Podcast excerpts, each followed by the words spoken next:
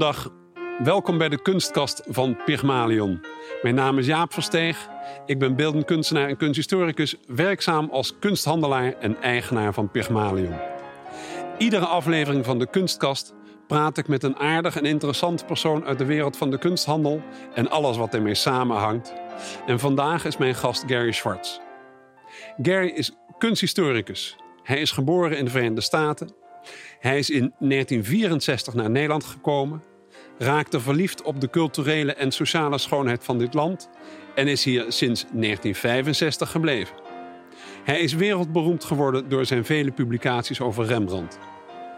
Daarnaast was hij lange tijd uitgever van kunstboeken en is hij de oprichter van Codart, een wereldwijd netwerk van beheerders en conservatoren van Nederlandse en Vlaamse kunst gericht op de internationale uitwisseling van kennis. Gary, welkom in de kunstkast van Pygmalion. Dankjewel Jaap, ik ben uh, heel blij met deze uitnodiging en deze gelegenheid. Dank. Leuk om je hier in de kunstkast te hebben. Laten we beginnen bij jou als persoon. Je komst naar Nederland. Kan je daar iets meer over vertellen? Ja, ik ben politieke vluchteling. Uh, Amerika in de jaren 1960 was erger dan het nu is. Dat uh, vergeet mensen. Maar met uh, demonstraties tegen de oorlog in Vietnam, met de partijvorming in heel extreme vorm. Met mensen die in gewapende bendes zich ophielden in de bergen en de steden.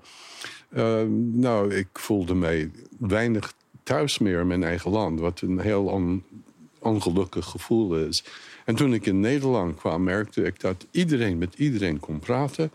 Dat het een man was, ook wat uh, schoonheid van de omgeving betreft, waar je nergens van weg hoefde te kijken. Want in Amerika eigenlijk, uh, je blik was altijd gericht op de, de mooie dingen en de dingen waar je tevreden en uh, thuis in voelde. En voor de rest uh, wendde je je blik daarvan af. In Nederland hoefde dat niet. Dus het was een combinatie van um, politieke, sociale overtuigingen, maar ook de schoonheid van het land, wat mij hier bracht en mij deed blijven.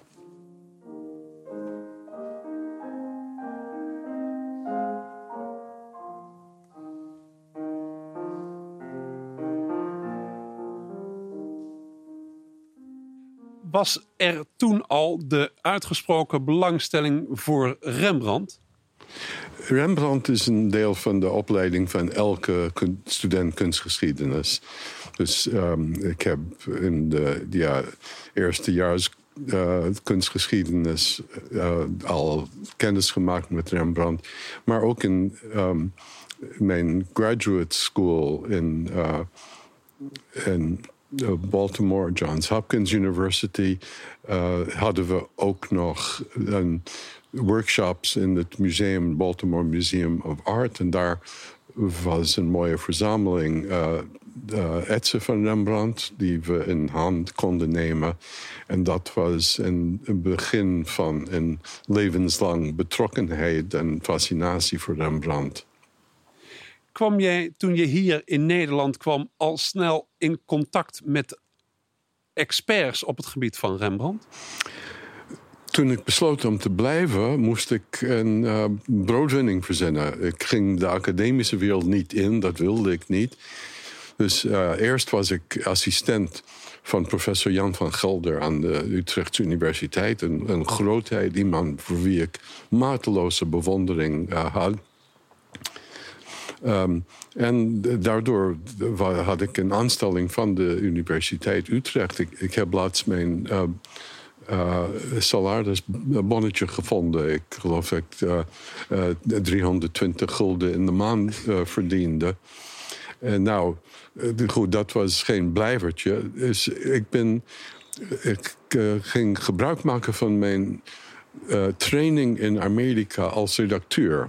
Ik dacht, ze, ze hebben vast behoefte aan een beroepskracht, eh, zowel kunsthistoricus als, uh, als redacteur was voor hun Engelstalige publicaties. Nou, daar vergiste ik me in. De meeste Nederlandse uitgevers uh, voelden helemaal geen behoefte om hun eigen werk te controleren door iemand. Um, dus ik, ik kreeg nauwelijks antwoorden op mijn sollicitatiebrieven. Tot op een gegeven moment Van Gelder mee voorstelde aan de mensen van Merlinhof.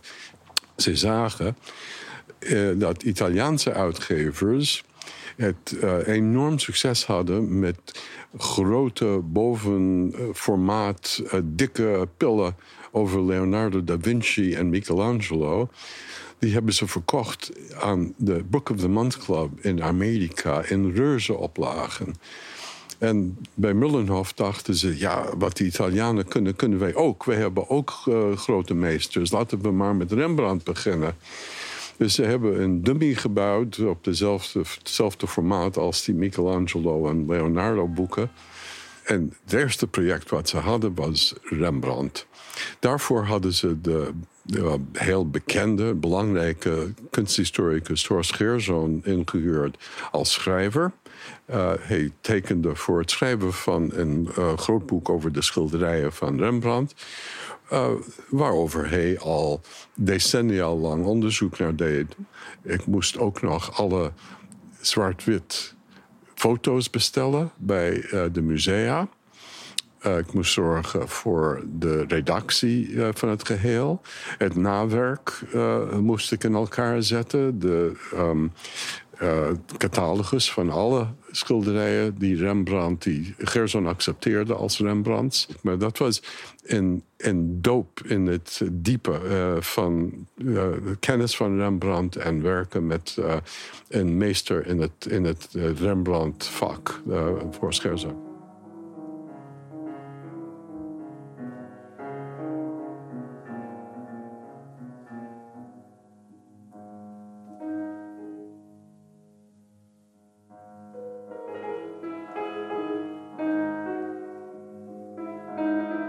Welk jaar ben je met je uitgeverij begonnen? En vanuit welke gedachte ben je met de uitgeverij begonnen? Uh, de uitgave op Rembrandt was dus in september 68 af. Ik ben doorgegaan met Mullenhof. Want wie was eh, de volgende Nederlandse meester die ze verkochten? Jij kan het mee vertellen. Vermeer? Nee, Van Gogh natuurlijk. Oh, ja. ja, ja. Uh, nee, Vermeer die kwam niet in aanmerking met zijn 35 schilderijen om uh, een boek van, uh, van 500 pagina's te verkopen. Dus het werd van Gogh. En ik werkte zowel voor Merlinhof International aan dat boek als voor het Rijksbureau voor Kunsthistorische Documentatie, waar het onderzoek gedaan werd, onder andere door Van Gelder. Maar het was een nieuwe herziene uitgave van de grote catalogus van Bartolofeo. Terwijl Gary bezig was mij te vertellen over de details van de Van Gogh-uitgave, vroeg ik me af of hij niet misschien te gedetailleerd was in zijn antwoord, omdat mijn vraag gericht was op de kern van zijn activiteiten. Maar bij Gary is juist alles wat er omheen gebeurt erg belangrijk. Ik heb hem later gevraagd naar de kern van zijn activiteiten. En hij antwoordde dat die kern eh, eigenlijk zit in een poging het begrip van een kern te ontkrachten. Hij antwoordde: De historical study of art geeft aan dat ik meer zie in contingentie dan in essentialisme. Daarmee bedoelt hij in feite, contingentie is een begrip in de filosofie. Het duidt het tegengestelde aan van noodzakelijkheid en essentialisme. Stelt dat iedere entiteit wordt gedefinieerd door een aantal noodzakelijke eigenschappen. Dus als hij zegt dat de historical study of art aangeeft dat hij meer ziet in contingentie dan in essentialisme, dan zegt hij dat er dus niet zoiets als één ideaalbeeld van schoonheid bestaat. Maar dat het verloop van kunstgeschiedenis onvoorspelbaar is. En dat ik in dat hij in zijn werk als kunsthistoricus probeert daar recht aan te doen. En in dat opzicht is het heel erg belangrijk dat hij al deze details opneemt, verwerkt in zijn antwoord. Er was behoefte bij veel universiteitsbibliotheken, onderzoeksbibliotheken, musea voor de belangrijkste monografieën, standaardteksten over uh, kunstenaars uh, van, uh, van betekenis. Uh, en die boeken die brachten honderden dollars op op de antiquarische markt. Dus als je komen kon met een respect, respectabele herdruk, uh, reprint. En ik zorgde toch wel vrijwel altijd voor toevoeging van nieuwe foto's. Maar ik ken van jouw uitgeverij Gary Schwartz ken ik ook heel veel boeken wat helemaal geen reprints zijn. Ja, Levensblijheid en uh, over van Rapport en uh, eindeloos veel boeken die je hebt uitgegeven. Allemaal interessante kunsthistorische, nieuwe kunsthistorische boeken. Mm.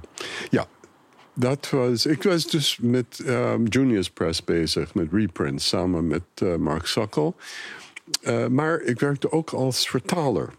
Tegen die tijd was ik al vijf jaar in Nederland. Ik kon Nederlands goed lezen. Het spreken, dat, uh, daar maak ik nog wel eens het en de fouten. Mijn Nederlands is niet het Nederlands van een, native speaker. Maar goed, ik kan ermee door. En een van mijn vertaalopdrachten was van het Rembrandthuis. De conservator prentkunst aan het uh, prentenkabinet Jan-Piet Villet Kok had voor het Rembrandthuis een catalogus geschreven in het Nederlands van de uh, etsen en tekeningen van Rembrandt in het, in het Rembrandthuis. Nou, ik was het boek aan het vertalen. En ik dacht, nou, dit is eigenlijk een belangrijke tekst. Zoveel uh, goede, gedegen catalogie van de etsen van Rembrandt zijn er niet op dit moment. En nu hebben we de beste informatie van een van de beste experts. Het Rembrandthuis gaat het boek alleen maar over de balie verkopen aan bezoekers, maar het heeft een groter potentieel. Dus ik ben naar het Rembrandthuis gegaan. Ik zei, luister, ik ben bereid om mijn vertaling in te leveren... als jullie mij de rechten geven om het boek uh, in het Engels... en uh, in, het, in het Engels uit te geven en te verkopen. Nou, dat vonden ze prachtig. En dat was mijn eerste uitgave.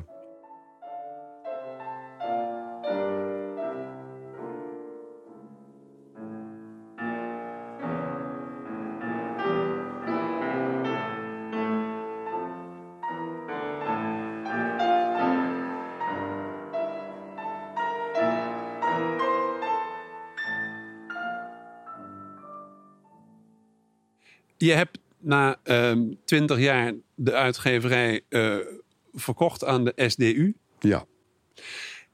Vanaf dat moment had je misschien nog weer meer tijd ook voor eigen onderzoek? Uh, eigen onderzoek was ik blijven doen in de tussentijd. Uh, mijn uitgeverij diende mij ook als springplank voor het uh, verkopen van eigen publicaties. Bijvoorbeeld mijn uitgave van alle etsen van Rembrandt op ware grootte. Dat is voor het eerst in 1977 uitgekomen en het is nog steeds een druk. Want ik heb het uiteindelijk, toen ik ophield met de uitgeverij, heb ik het aan Dover Books verkocht. In de kennis dat zij het eeuwig in druk zouden houden. Dus dat is ja. uh, iets wat ik uh, voor elkaar heb gekregen. Maar in 1984 heb ik zelf een boek over Rembrandt geschreven. En dat is in een grote oplage ook met een boekenclub als, uh, als, als financier van het geheel. Uh, dat is een Nederlandse boekenclub, uh, boekenclub Boekenplaat. maar dat was gebruikmakend van mijn contacten in de uitgeverij om een eigen boek te schrijven en verkopen. En met dat boek, die biografie van Rembrandt, ben je eigenlijk wereldberoemd geworden. Ja, dat boek heeft inderdaad indruk gemaakt. En ik kan zeggen dat wat nieuw was aan de aanpak van dat boek, dat is in Marsen begonnen. Ik werd in 1980 ongeveer bezocht door Burton Fredrickson, de directeur van het Getty Museum, toen in Malibu. Uh, hij bracht een foto met zich mee, een zwart-wit foto van een schilderij van Jan van der Heijden. Hij zei: Gary, meneer Getty heeft het schilderij ooit gekocht als in Jan van der Heijden. Nou, dat, dat geloven we, dat is geen twijfel mogelijk. Uh, maar over de titel, uh, daar weten we eigenlijk niets van. Het heet De Herberg van het Zwarte Varken in Maarseveen. jij woont hier, jij kan voor me nagaan of de titel klopt. Nou goed, die foto die ging bij mij op een stapel op mijn werktafel. Uh, maar een paar maanden later had ik bezoek van Dick Dekker. Die was de uh, stichter van de historische kring uh, van Maarsen. En een schat van een man en ook nog met enorm veel kennis. Dus ik dacht, nou, dit kan ik mezelf makkelijk maken. Ik hoef het zelf niet uit te zoeken. Ik vraag het gewoon Dick Dekker. Dus ik liet hem die foto zien. Hij zei, Dick, is dat soms, klopt dat? Oh, zegt hij, ja, dat is het uitzicht van mijn voordeur. Ja. Hij woonde daar in het begin van die uh, Marsen van de Vaart, ja. waar je uitkeek op uh, het huis dat het uh, herberg van het Zwarte Varken ja. was. Jan van der Heijden werkte in Amsterdam niet alleen als kunstenaar, maar ook de uitvinder van een systeem voor straatverlichting en voor de blussen van, van branden. En werkte met uh, de burgemeesters van Amsterdam, waarvan één, Johan Houdekoper, ook de heer van Maarseveen was. En het, uh, de herberg van het Zwarte Varken was het gebouw waar Johan Houdekoper uh, een rechtbank had ingesteld, waar de schout zat die de he benoemde. En van waaruit hij de, um, alle betrokkenen bij de beheer over dit uh, domein waar hij de heer van was, uh, runde. en van daaruit merkte ik dat Jan van der Heijden 15 andere schilderijen in Marsen had gemaakt. Dus ik schreef een artikel voor de, het jaarboek van het Getty Museum, waarin ik voor het eerst eigenlijk in de Nederlandse kunst het werk van een kunstenaar plaatste in een groter uh, maatschappelijk en politiek geheel. Uh, en met die kennis, toen ik mijn boek over Rembrandt schreef, kon ik Rembrandt ook op dezelfde manier benaderen. Dus het was niet de klassieke reconstructie van zijn uh, kunstenaarschap van zijn vroege periode tot zijn middenperiode, tot zijn later werk. Um, maar het was volledig uh, uh, samensmelting van de reconstructie van zijn maatschappelijk leven, alle opdrachtgevers die hij had, alle contacten die een belangrijke rol speelden in zijn training, in zijn uh, slagen in de, het Hof bij Frederik Hendrik, in de uh, burgermaatschappij van Amsterdam. En uh, zo werd het een driedimensionaal Rembrandt, wat tot dat, die tijd eigenlijk niet bestond in de Rembrandt-literatuur.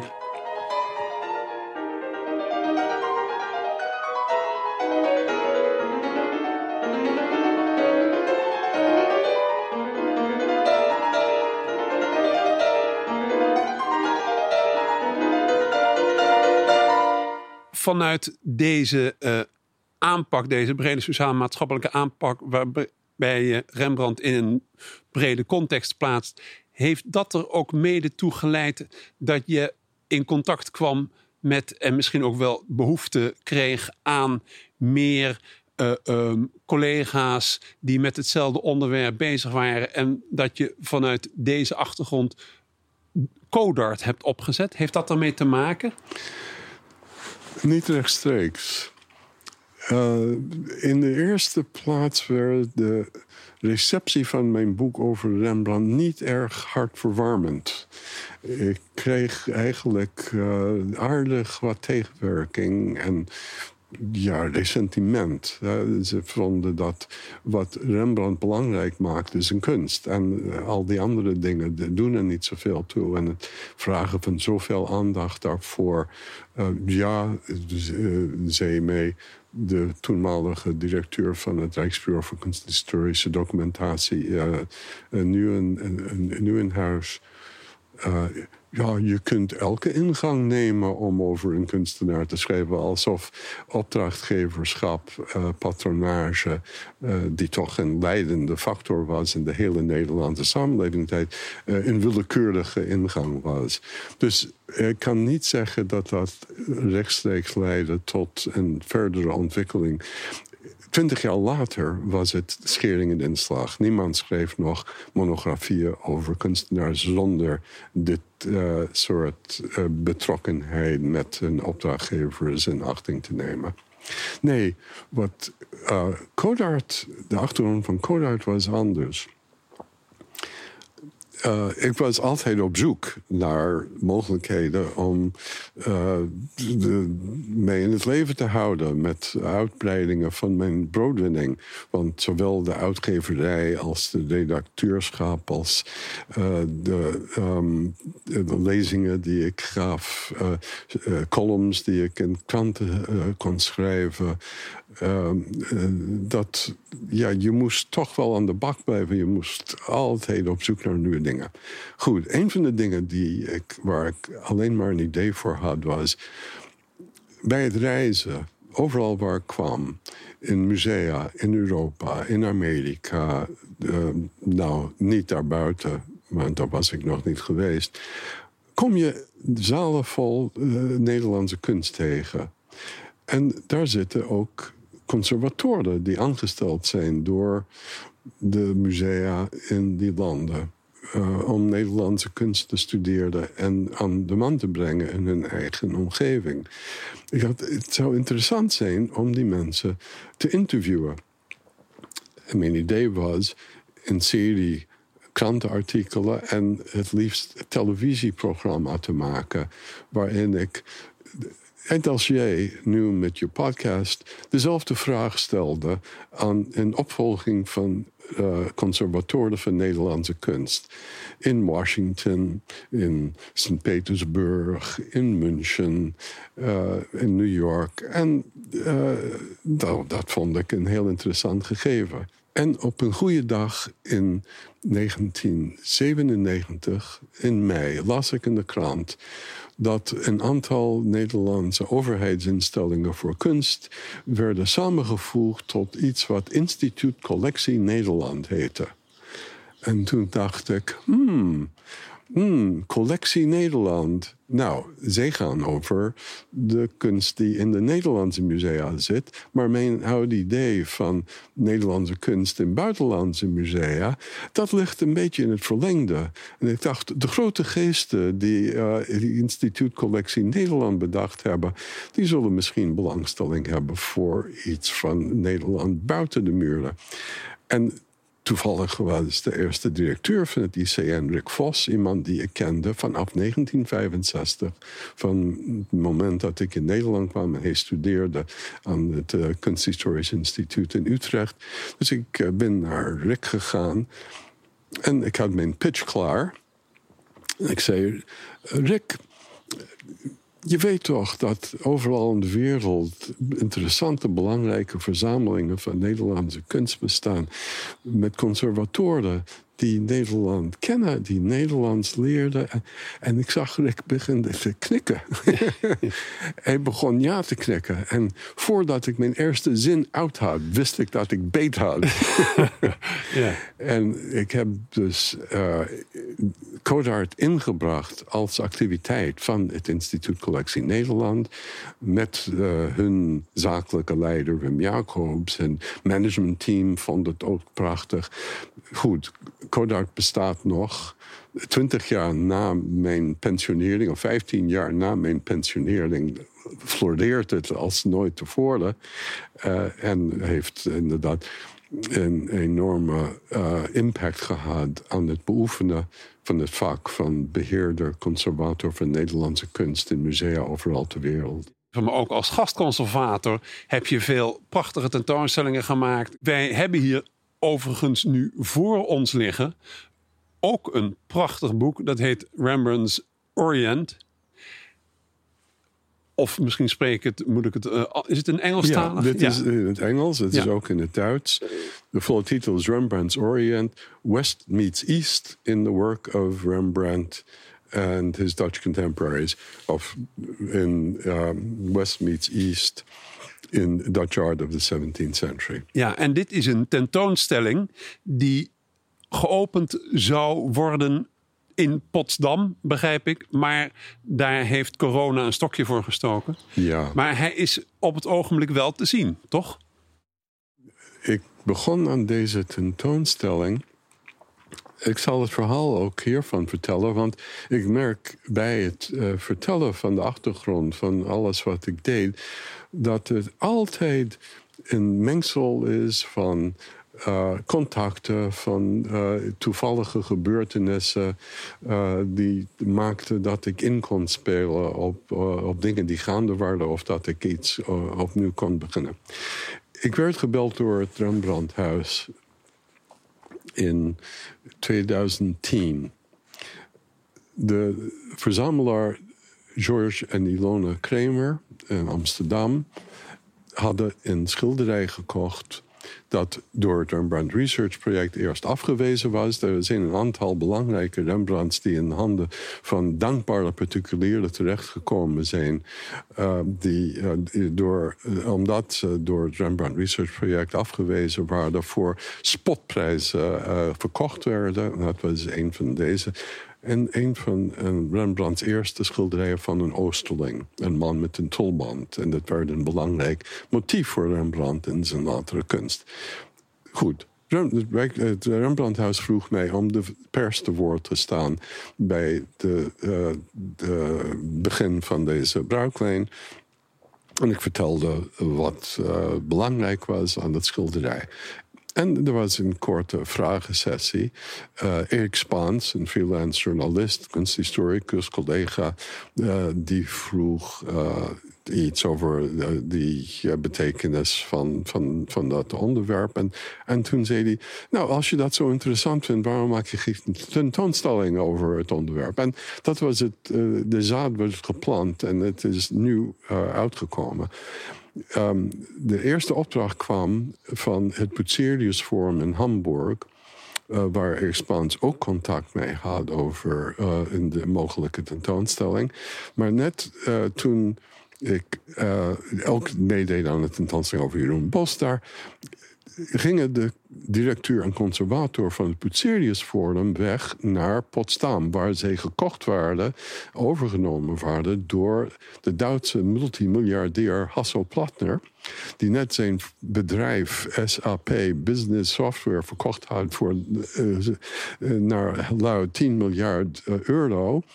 En een eigen museum oprichten in Potsdam, in de, de Alte Markt. En op de plaats waar een Barberini paleis gestaan heeft. En heeft dat opnieuw opgericht. Het was gebaseerd een beetje op Palazzo Barberini in Rome. En het had een gevel die gebaseerd was op die vormen.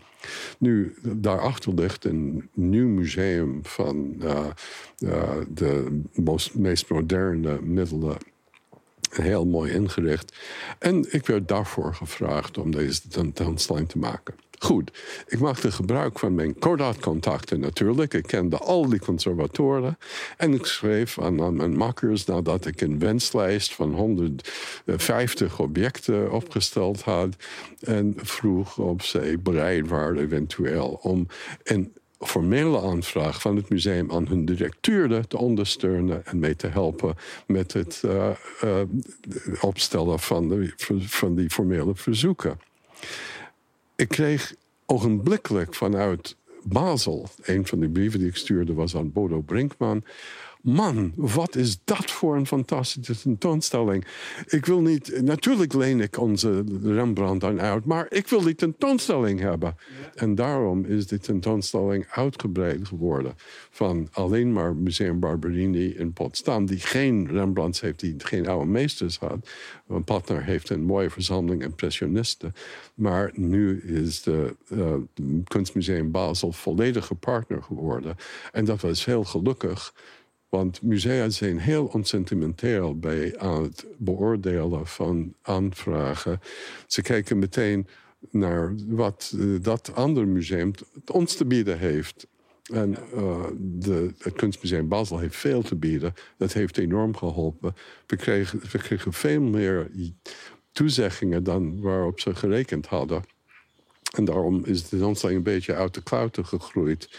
En 125 objecten is uh, nou, meer dan genoeg. Maar uh, vanwege de pandemie kon het niet in Potsdam openen, zoals je zegt, in juni 2020. Maar begon met de tweede venue in Basel, wat al in de planning was voor 30 oktober 2020. En nu zit Potsdam achteraan met half maart. Dus iedereen die deze uh, on, uh, volprezen podcast beluistert, is uitgenodigd om naar Rembrandt's Orient te gaan kijken in Basel tot 14 februari of vanaf 13 maart in Potsdam.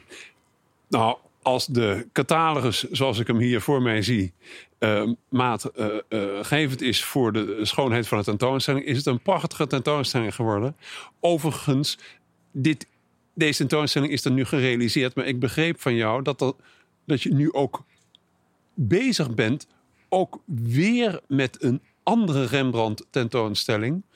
Um, The Jewish Side of Rembrandt. Is dat juist? Ja, ja het is net een andere draai. Ik heb, ik heb het, uh, de vraag met 180 graden omgedraaid. En ik maakte daarvan Rembrandt zien through Jewish eyes. Niet zoals hij hun zag, maar, eh, zag, maar hoe zij hem zagen.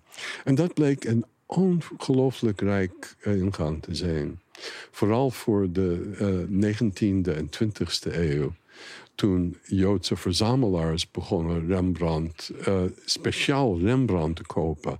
Hoe Joodse kunstenaars Rembrandt als een van hun of een hoofdinspirator uh, zagen. En dat gaat tot de dag van vandaag. Dus ik heb nu ook weer een wenslijst van meer dan 100 objecten. De bruikleenaanvragen zijn de deur uitgegaan. En alweer is het de vraag hoeveel musea bereid zullen zijn hun Rembrandts aan een museum in Moskou die niets anders, die niets te bieden heeft bij wijze van quid pro quo of tegenprestatie. Maar zij hebben vol, uh, zij zijn vol goede moed en hopen dat het uh, toch de tentoonstelling kan worden waar we nu van dromen.